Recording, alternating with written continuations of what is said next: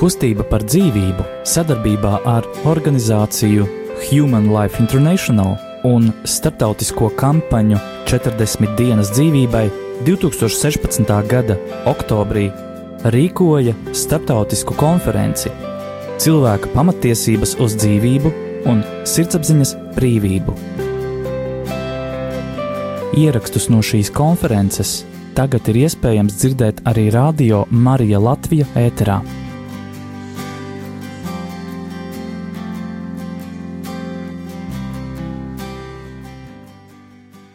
Labrīt visiem konferences dalībniekiem. Man ir prieks jūs visus redzēt šeit, sestdienas rītā, kad daudziem ir brīvdienas un ir atnākuši uz šo brīnišķīgo konferenci. Uh, labrīt, eminence, kardināli, pujāt. Un šodien uzsākot konferenci, mūsu pirmais, kas uzrunās, būs mūsu domas deputāts, šīs mājas saimnieks, Ainārs Baštiks.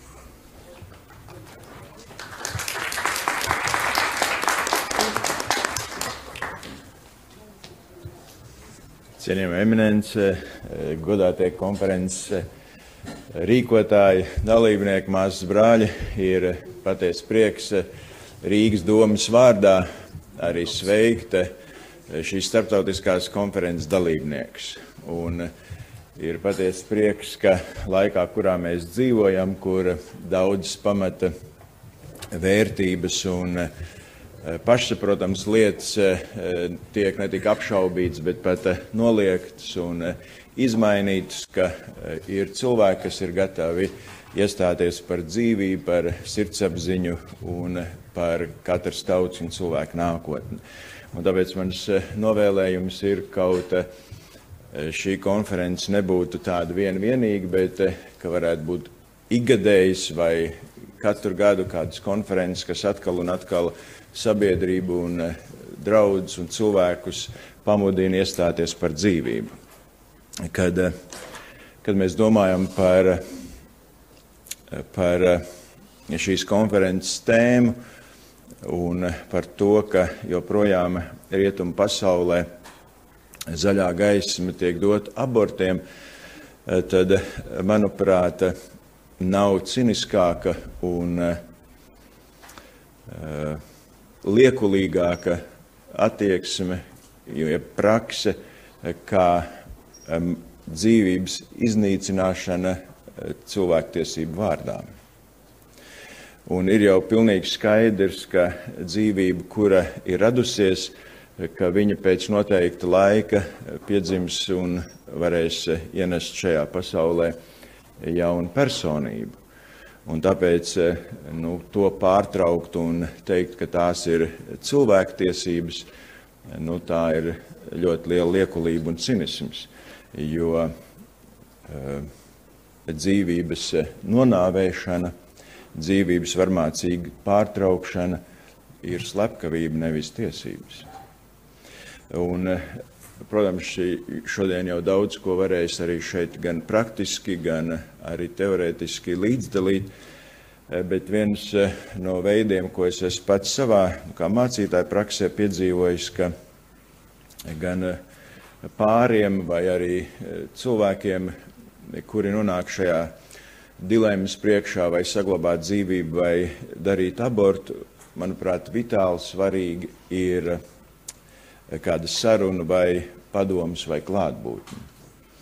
Manā mācītāja praksē ir vairāk gadījumi, kur cilvēki ir uzticējuši e, savu situāciju un ir jautājuši, vai saglabāt bērniņu vai nē. Un pēc e, sarunām un pēc arī tādas palīdzības un, un skaidru soļu izteikšanas, kad mēs atbalstīsim vai kā draudze, vai kā organizācija, vai kā individuāls cilvēks un palīdzēsim tev, ir arī vairākos gadījumos eh, izdevies eh, šo dzīvību saglabāt, pat arī tad, ja ir bijusi izvarošana. Un pēc gadiem ejot, satiekot eh, šīs sievietes vai pat arī ģimenes, viss kā viens ir teikušas paldies par kādā brīdī klātbūtni, par sarunu, par padomu, par atbalstu. Un tā kā Latvijā arī ir 72 stundas, kad sieviete var apdomāt, es domāju, ir ļoti svarīgi, ka šajā laika posmā ir kāda atbalsta sistēma vai mehānisms, kurš izskaidro, kurš dod kādu atbalstu, kurš arī skaidri dod tādu pārliecību, ka arī nākotnē tu nebūsi viena, un ka mēs palīdzēsim, atbalstīsim, un tas vainagosies ar brīnumu un ar eh, bērnu piedzimšanu. Un tāpēc, eh, lai Dievs palīdz katrai organizācijai, draudzēji vai arī individam vienmēr iestāties par dzīvību un tiešām par sirdsapziņu, kur aizsargāt dzīvību, nevis uh, ļoti egoistiski un ļoti šauri traktēt tiesības. Lai jums labi izdodas. Paldies!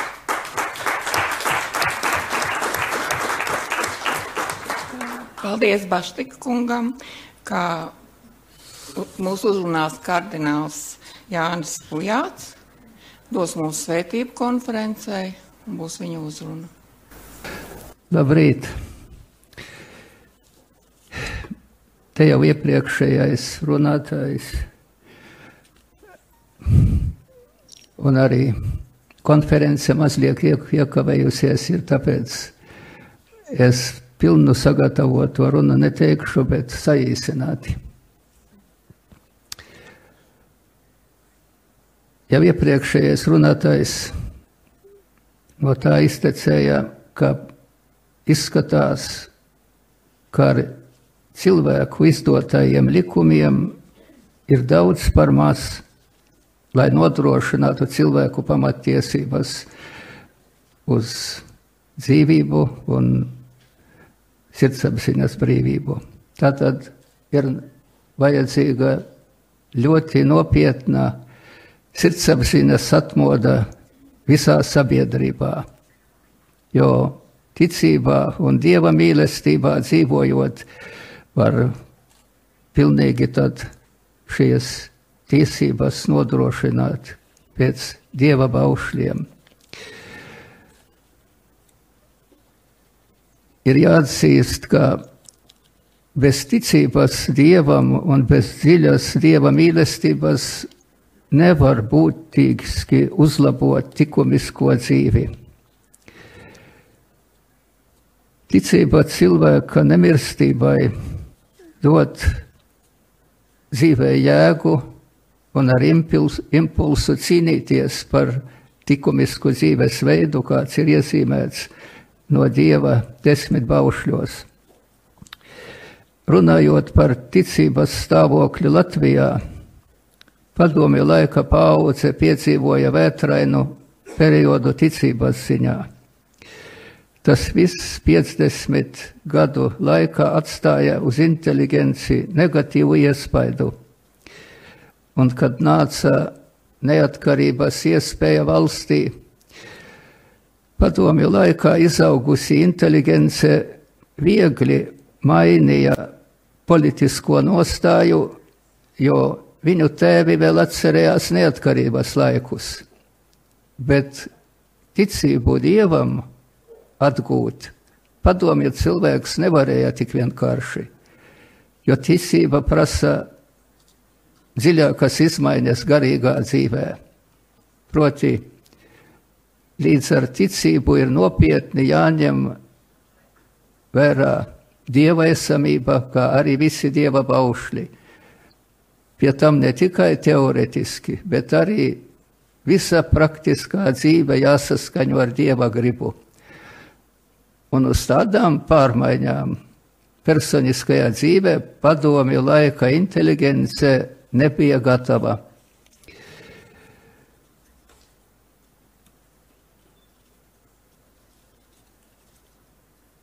Es atvainojos, Rusīt. Tāpēc līdz pat šim izglītības sistēmā Bībelē Bībelē nav vietas. Lai gan tā ir viena no visvecākām vēstures grāmatām, tāpat reliģijas un morālis grāmata. Un rezultātā liela daļa jauniešu, kas beidz tagad skolas, viņi aiziet dzīvē bez stingriem moraliskiem principiem. Un stāvokli vēl pasliktina masīva seksuālās izlaidības propaganda. Padomju laikā ateisms bija vairāk teoretisks. Toties tagad ir lielāka iespēja iedzīvoties visādos netikumos, un tad vajadzību pēc dieva nejūt. Viņi labāk tic nebūtībai pēc nāves, jo tā neprasa no viņiem nekādas pienākumus. Un tā sākās un attīstās garīgā dekadence, kas skar arī saimniecisko dzīvi. Mums, kristiešiem, jāpaliek par Kristus lieciniekiem šai pasaulē. Jo Kristus ir teicis, jūs esat zemes sāls un pasaules gaisma. Tas uzliek pienākumu būt vienmēr dziļi vienotiem ar Dievu un Dieva likumus pildīt. Un ja mēs šodien runājam par sirdsapziņas brīvību, tad mēs ticīgie to ņemam dziļāk. Proti, saprotam sirdsapziņas brīvību no grēka. Un ja mēs šodien runājam par tiesībām uz dzīvību, mēs kā ticīgie cīnāmies arī par tiesībām uz mūžīgo dzīvi. Jo tā Kristus ir apsolījis teikdams, kas man tic, tam ir mūžīgā dzīve.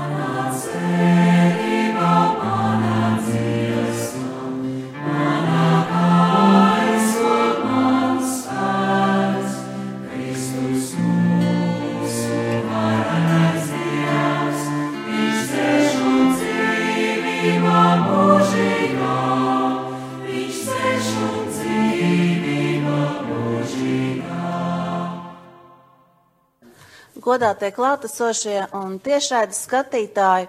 Nākamais runātājs ir Latvijas pārstāvis ārsts Gīns Lapiņš, kurš uh, runās par tēmu tiesības uz dzīvību. Lūdzu. Labdien visiem! Um, priecājos šeit šodien būt. Un paldies Dzintrai Bušmans kundzei par uzaicinājumu, par iespēju piedalīties šai konferencē par dzīvību. Es esmu ārsts ginekologs Gīns Lapiņš no Valmieras slimnīcas un vadu Valmieras slimnīcā dzemdību un ginekoloģijas nodaļu. Dzemdību skaits Valmieras slimnīcā ir 1200 dzemdības gadā. Uh, Tā ir Vidzemes reģionālā slimnīca. Un šodien mēs esam atbraukuši kopā ar manu sievu, Silviju, tur aizmugurē, un viņa ir arī ārste, ginekoloģija, mēs kopā strādājam visu, visu mūžu. Un 2008. gadā mēs atteicāmies no abortu veikšanas. Sākumā mēs abi, tad pievienojās Eh, trīs mūsu eh, kolēģi, ar ko mēs kopā strādājām eh, Vidzemes slimnīcā, un tad mēs bijām pieci ārsti, kas vairs neveica abortus.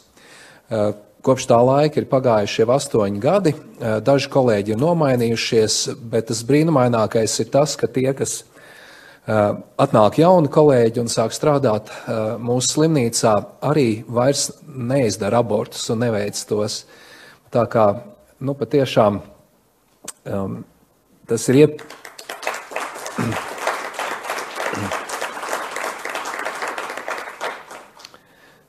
Kā iepriekšējais runātājs teica, ka uh, šī te, arī šī labā sēkla, kas, kas tiek sēta, kad viņi izplatās, ka labais arī izplatās. Un šodien es, es gribētu runāt vairāk par ārsta sirdsapziņu un uh, gribētu runāt par to, kas tad vispār ir sirdsapziņa, kaut gan mēs jau ļoti dzirdējām kompetentu ziņojumu par, par to, gribu runāt arī par eh, tieši, kas notika ar mums, kāpēc mēs šos abortus vairs neveicam, un arī par tiem izaicinājumiem, kas mūsdienās eh, stāv priekšā ginekologam viņa ikdienas darbā. Kas tad ir sirdsapziņa? Sirdsapziņa tā ir visnoslēpumainākā vieta cilvēka sirdī. Tā ir tā kā svētnīca, kurā cilvēks var tikties ar Dievu. Un, un sirdsapziņā šie likumi uh, ir ierakstīti, uh, labā un ļaunā likumi. Un uh, šos likumus nav izdomājis pats cilvēks, bet tos ir ierakstījis uh, Dievs. Un sirdsapziņas balss cilvēku nemitīgi aicina darīt labu, mīlēt un izvairīties no ļauna. Ārsta galvenais uzdevums ir, tas, šis profesionālais uzdevums ir rūpēties par cilvēku veselību, par viņa dzīvību. Un tas ir katra ārsta uzdevums neatkarīgi no viņa specializācijas. Ārsts nedrīkst un nevar būt bende. Ginekologam mūsdienās ir ļoti daudz izaicinājumu, jo tāds viens un svarīgākais ir vispār laulība un ģimenes dzīve kā dzīvības ielikstošanās vieta. Otrs izaicinājums, kas mūsdienās, kam, kam ļoti stingri ir jāturās pretī, tā ir dzimstības regulācija un kontracepcija. Trešais tas ir aborts, ceturtais ir cilvēku mākslīga apaugļošana un arī sterilizācija.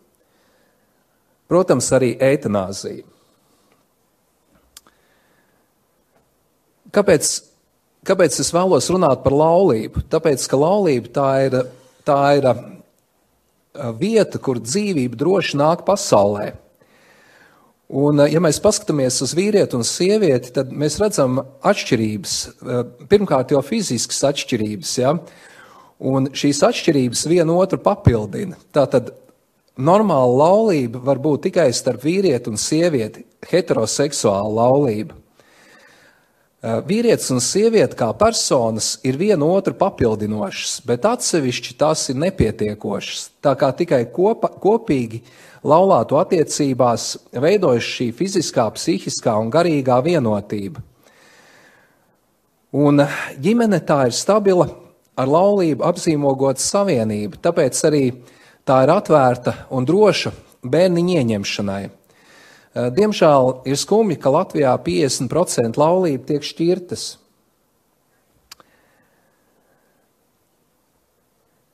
Runājot par kontracepciju, mēs nevaram nošķirt laulāto mīlestību no dzīvības. Jo gan mīlestība, gan dzīvība tās ir vērtības. Un šīs vērtības ir vienlaicīgi raksturīgas arī seksuālai aktivitātei. Un ja, ja ir šī uh, laulība un mīlestība, uh, tad tā, tā gal, galējais augstākais mērķis tā, tā ir dzīvības ieņemšana. Un tāpēc arī nevar būt pilnvērtīga laulība un mīlestība, un kā siena starp to kontracepcija. Laulība ir sevis beznosacījuma dāvāšana, un tā ir atvērta uz bērniņu ieņemšanu. Tāpēc arī vienīgais, ko laulībā varētu lietot, tā ir auglības atpazīšanas metode, kas nav kontracepcija, bet kas saglabā dialogu starp vīru un sievu, kas saglabā vīra interesi par sievu un kas uh, tomēr arī ir iespējams atlikt bērniņu ieņemšanu. Šeit mēs šodien daudz runājam par abortu. Un aborts, tā, tas, manuprāt, ir tiešām viens no lielākajiem ļaunumiem mūsdienu sabiedrībā.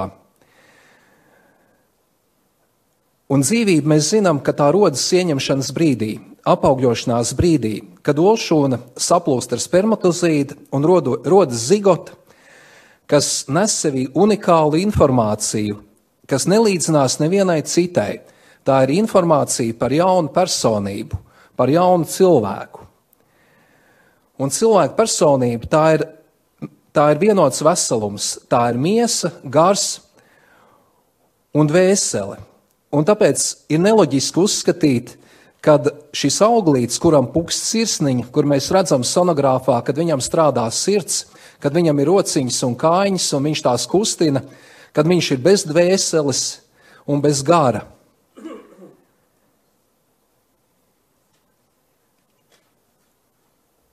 Es mazliet vēlos pastāstīt arī par mūsu pieredzi eh, abortu veikšanā.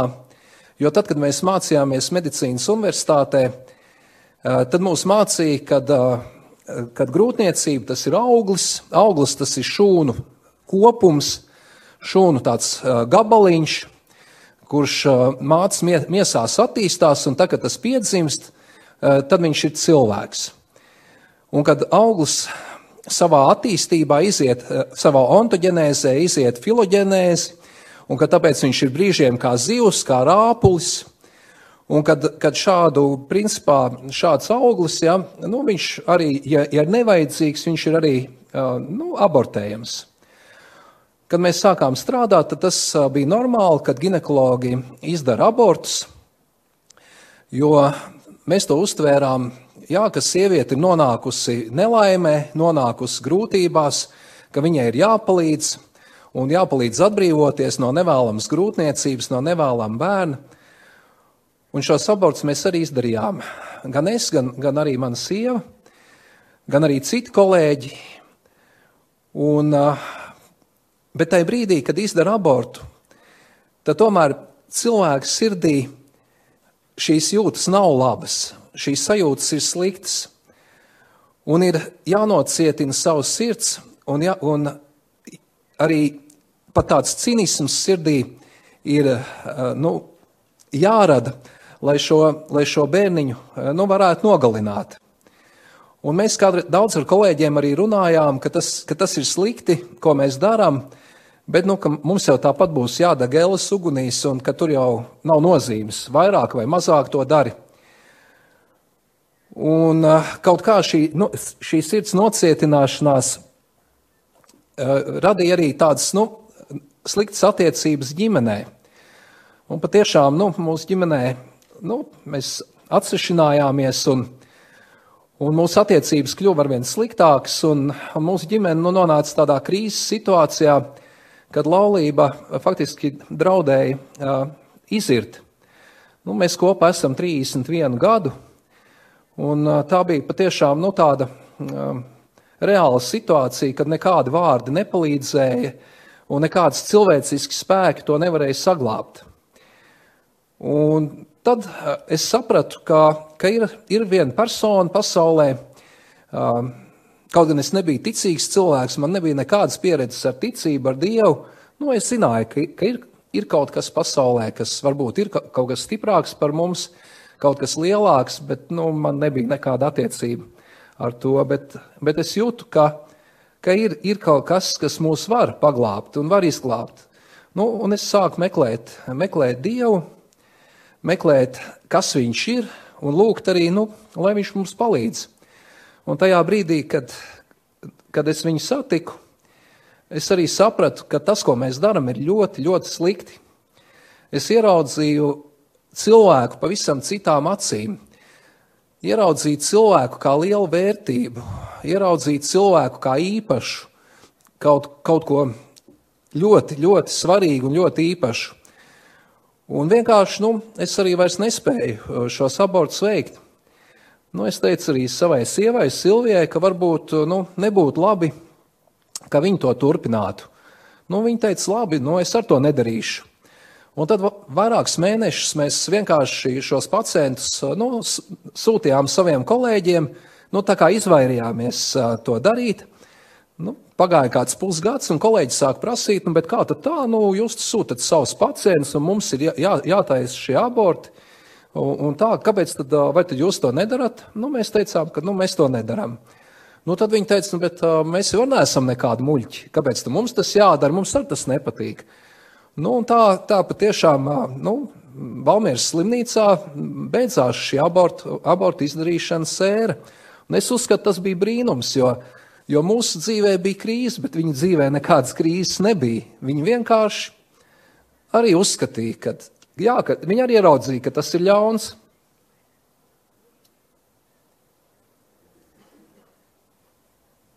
Abortu ziņā arī ginekologam ir daudz izaicinājumu mūsdienās. Un ikdienas darbā strādājot un arī vadot, eh, vadot eh, dzemdību un ginekoloģijas nodaļu, kādreiz ir jāsastopās ar to, ka, eh, ka sāk likties, bet varbūt, varbūt šis aborts eh, būtu sievietei vajadzīgs, ja, tas glābtu viņas veselību, palīdzētu. Eh, varbūt šī grūtniecība nu, atstāja sliktu ietekmi uz viņas veselību. Ir kādreiz arī dažādi stāvokļi, kad ir nogājuši augļūdeņi, kad, kad draudi infekcijas briesmas, ja, bet bērniņš vēl ir dzīvs. Un, ko, ko tādos gadījumos darīt? Un, tas ir liels izaicinājums, un ir ļoti grūti kādreiz pieņemt lēmumus, lai arī lai saglabātu šo dzīvību, un arī lai, lai nekaitētu sievietes veselībai, lai arī viņu pasargātu. Un kā, kādreiz ir grūti atrast šo pareizo risinājumu, bet es, es vienmēr sevī, sevī es esmu noteicis šo robežu, kad jebkurā gadījumā dzīvība ir svēta. Nav nekādu iemeslu, lai viņu iznīcinātu. Otrs tāds liels izaicinājums, kas Latvijā pēdējos gados arvien, arvien biežāk un vairāk tiek pielietots, tas ir medikamentozais aborts. Un, uh, mēs redzam abortu statistiku, kad it kā abortu skaits mazinās. 2012. gadā bija 6197, 2013. gadā 5557, 2014. gadā 5318. Abortu skaits maz, samazinās. Mēs varam būt apmierināti, mēs varam teikt, redzat, cik labi mēs izglītojam tā, savu, savus cilvēkus. Bet īstenībā medikamentozo abortu skaits pieaug. Šis aborts vēl nav īsti legāls Latvijā, jo nav reģistrēts medikaments, kas izsauc medicīnisku abortu. Bet tai pašā laikā viņš tiek lietots, un, un tas notiek. Un, un tā ir tikai ilūzija, ka šis abortu skaits mazinās. Tāpat liels izaicinājums ginekologam ir mākslīga apaugļošana. Un ir ļoti arī uh, grūti, ja tu, ja tu pieņem šo savā sirdsapziņā, ja tu esi pieņēmis dieva likumus, arī, no, arī stāvēt pret šo mākslīgo apaugļošanu, jo ļoti daudz pāri cieš no neauglības.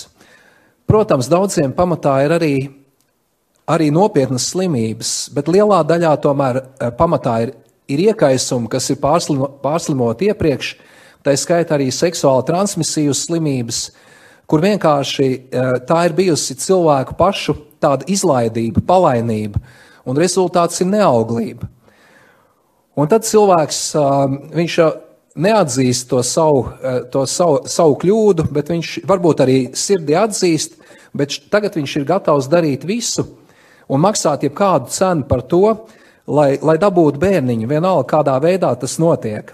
Kaut arī tas notiek kaut kur uz šķīvīšu trauciņā, kaut arī tas notiek ar donoru ošūnu vai ar donoru spermatozīdiem, vienalga bērns par katru cenu. Ja, ja tu arī tam īsti nepiekrīti vai nostājies pret, nu, tad tu esi kaut kāds tāds dīvainis, kas neatzīst moderno, kas neatzīst modernās tehnoloģijas, bet ir jāieklausās ārstam savā sirdsapziņā. Un, ja, ja tu to nevari, tad arī to nevajag darīt, jo ir daudz citu lietu. Tu vari pieņemt dzemdības, tu vari operēt, palīdzēt citādā veidā, bet ša, šīs lietas, lai dara tie, nu, kas to vēlās.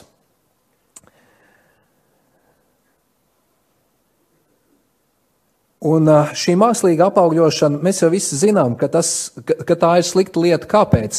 Tāpēc, ka tā izslēdz prokreāciju, tas nozīmē, tā izslēdz divu cilvēku savienošanos dabīgā veidā un mīlestībā ieņemta bērniņa rašanos. Otrs tas, ka tiek likvidēti lieki embriji, jo mēs zinām, ka tiek sasaldēts daudz olšūnas un apaugļots daudz olšūnas, un ne viss no šiem no šiem embrijiem tiek iestādīti, un pārējie vienkārši tiek utilizēti. Un pēdējā laikā jau arī mēs varam lasīt presē par trīs vecāku bērniem, ka, kad olšūnas apaugļošanā tiek izmantoti trīs vecāki. Kad no, vēl, vēl tiek iestādīti olšūnā ģenētiski modificēti mitohondriji, un tā tad būtībā, ko šis bērns kā, kāds, kā viņš dzīvo savu dzīvi. Ja? Tāpat arī par šīs donoru mā, māšu izmantošanu, ja, kas liekas nu, arī tāda lieta, ja, nu, ja, ja kādai sievietei nav dzemdes, vai, vai arī ir, ir kāda cita slimība bijusi, un viņa nevar ieņemt un iznēsāt bērniņu, ja kad izmantot citu sievieti, lai iznēsātu bērnu.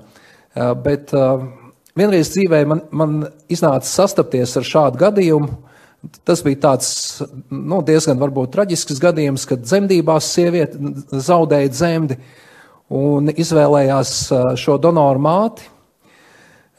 Bet es, es, es at, distancējos no šī gadījuma, jo es, es sapratu, ka tie ir ļoti lieli meli, kad nav iespējams bērnam, kad viņš izaugs un vaicās, bet kas es īsti esmu, nav iespējams paskaidrot, kas tu īsti esi. Ka tu esi mans bērns, kur iznēsāja mana kaimiņiene, un eh, no mana vīra tu esi ieņemts. Ja? Tas vienkārši neiespējami, un tāpēc šādos melos es domāju, dzīves bērniņš, ja, mēs esam pret viņu izdarījuši noziegumu.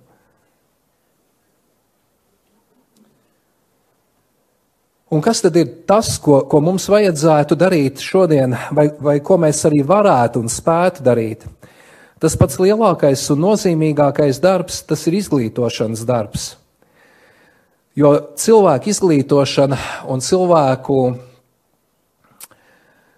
ši, šīs lietas, šo um, procesu skaidrošana, es domāju, ka tas ir pašā pamatā arī parādīt to, kā bērniņš attīstās, kad viņam ir sirsniņa, ka jau, jau praktiski uh, dažas desmit dienas pēc, pēc ieņemšanas viņam jau puks sirds. Un mēs varam pieņemt likumus, tos, ko mēs cilvēki pieņemam. Mēs varam to uzrakstīt uz papīra, bet vienmēr būs cilvēki, kas tos nepildīs. Bet pats svarīgākais un arī pats grūtākais ir ierakstīt šos likumus cilvēku sirdī. Jo ja evanģēlijā Jēzus saka, ka tiks, tas tiks ierakstīts jūsu sirdī, kad, kad sirdī ir šī sajūta katrai sievietei, ka šis mans bērns, ko es nesāju savās miesās, viņš ir svēts, man viņš ir jāizsargā, nevis jāiznīcina. Un tad būs tas, ko mēs ļoti vēlētos kad aborts no aizliegta kļūtu par neiedomājamu, neiedomājamu katra cilvēka prātā. Ļoti svarīgi būtu arī pagarināt pārdomu laiku uh, pirms abortu izdarīšanas. Uh, šeit jau runāja, ka mūsu valstī ir 72 stundas, ir noteikts pārdomu laiks, jo abortu nedrīkst izdarīt ātrāk kā 72 stundas pēc diagnozes noteikšanas. Bet šis laiks tomēr ir par īsu. Jo tā ir ļoti, ļoti svarīga lieta sievietes un visas ģimenes uh, kontekstā. Tāpēc, kad bieži vien paiet laiks un cilvēks saprot, kādu drausmīgu kļūdu arī viņi ir izdarījuši, un tikai trīs dienas bija laika domāt, šim laikam vajadzētu būt garākam. Arī vajadzētu piesaistīt tomēr bērnu tēvu partneri, vīru, ja šī jautājuma risināšanā. Jo ļoti bieži ir tā, ka mūsdienās vispār ir ļoti grūti uh, saprast, ja, jo, jo mēdz būt dažādi. Mēdz būt ģimenes, kurās ir vīrs un sieva, un viņi izlēma izdarīt abortu. Mēdz būt, kad vienkārši sieviete ir draugs, partneris. Mēdz būt tā, ka vispār ir noticis kāds gadījums sakars, un, un, un, un, šis bērniņš ir pieteicies. Tad vienkārši un, un, un kādreiz tā, ka sieviete vispār neko nesaka bērnu tēvam, bet vienkārši izlēma pati, ka viņa izdarīs abortu, jo viņa, viņa šo cilvēku nepietiekoši labi pazīst, nepietiekoši ilgi ar viņu ir kopā, eh, bet nu, gulējis viņa ir un bērniņš ir. Un tāpēc arī būtu svarīgi, ka šis, šis bērnu tēvs, kurš arī nes atbildību, arī tiktu piesaistīts jautājumu nu, izlemšanai. Ja, un, un, un, manuprāt, daudzās situācijās būtu rezultāts pozitīvs par labu dzīvībai. Ļoti svarīgi būtu šī sievietes atbalsta dienesta izveidošana, pirmsabortu konsultācija. Tas ir jautājums, par kuru ir karstas diskusijas, un, un, un mūsu valstī uh, jau ir tā, ka mums jau ir labi, kā ir, jau viss rulē un neko nevajag, un, un, un, un sievietei jau tā ir grūti, viņai nevajag eh, sarežģīt eh, šo situāciju, sūtīt pie konsultantiem, bet manuprāt, tas ir ļoti, ļoti svarīgi. Jo sieviete savā sirdī un savā sirdsapziņā, kā, kā jebkurš, mēs esam orientēti uz labu, uz dzīvību, nevis uz nāvi. Un kādreiz vienkārši sieviete nobijusies, viņa, viņa, viņa nesaprot, ko darīt, kā rīkoties, kur meklēt palīdzību, kur meklēt atbalstu. Un šīs pirmsabortu konsultācijas būtu ļoti efektīvas un ļoti svarīgas. Un, manuprāt, klausoties arī kolēģi no Anglijas un, uh, un arī uh, zinot šo varbūt Ameri Amerikas sistēmu. Un uh, negribot varbūt aizskārt kādu cilvēku šeit, kuram liekas, ka abortu klīnika tas būtu vēl kaut kas šausmīgāks, bet manuprāt, aborts nav medicīniska manipulācija. Tā nav manipulācija, kas ārstē cilvēku un kas glāb cilvēku dzīvību. Aborts nav medicīniska manipulācija. Un, eh, principā, abortu vajadzētu pārcelt no medicīniskām iestādēm, no ārstnieciskām iestādēm uz iestādēm, eh, uz speciālām klīnikām. Tādā veidā koncentrētos arī šī, šīs manipulācijas arī prolaifu biedriem būtu, kur lūgties, jo 28 slimnīcās ir ļoti grūti tādā mazā valstī, bet ja tas būtu lielākos centros, protams, šiem centriem ir jābūt drošiem, un viņiem ir jābūt pēc speciāliem kritērijiem un atlasē, atlasēm veidotiem, bet, bet tam būtu jābūt ārpus slimnīcām. Jo tagad ir tā, ka vienā un tajā pašā nodaļā, vienā galā dzemdē bērniņus, jā, tur ir atnākusi ģimene, un, un visi priecājās, ka piedzims bērniņš. Tad ir tāds vidusposmiņš, dažas palātas, kurā ārstējās grūtniecis, kas saglabā grūtniecību, un tad dažās palātiņās guļ tās, kuras ir atnākušas uz abortiem un veids abortus. Un, manuprāt, tā nav īsti, īsti laba prakse. Labi, tas man it kā būtu, būtu viss. Paldies jums par uzmanību! Izskanēja ieraksts no starptautiskās konferences Cilvēka pamatiesības uz dzīvību un sirdsapziņas brīvību, kas notika 2016. gada oktobrī.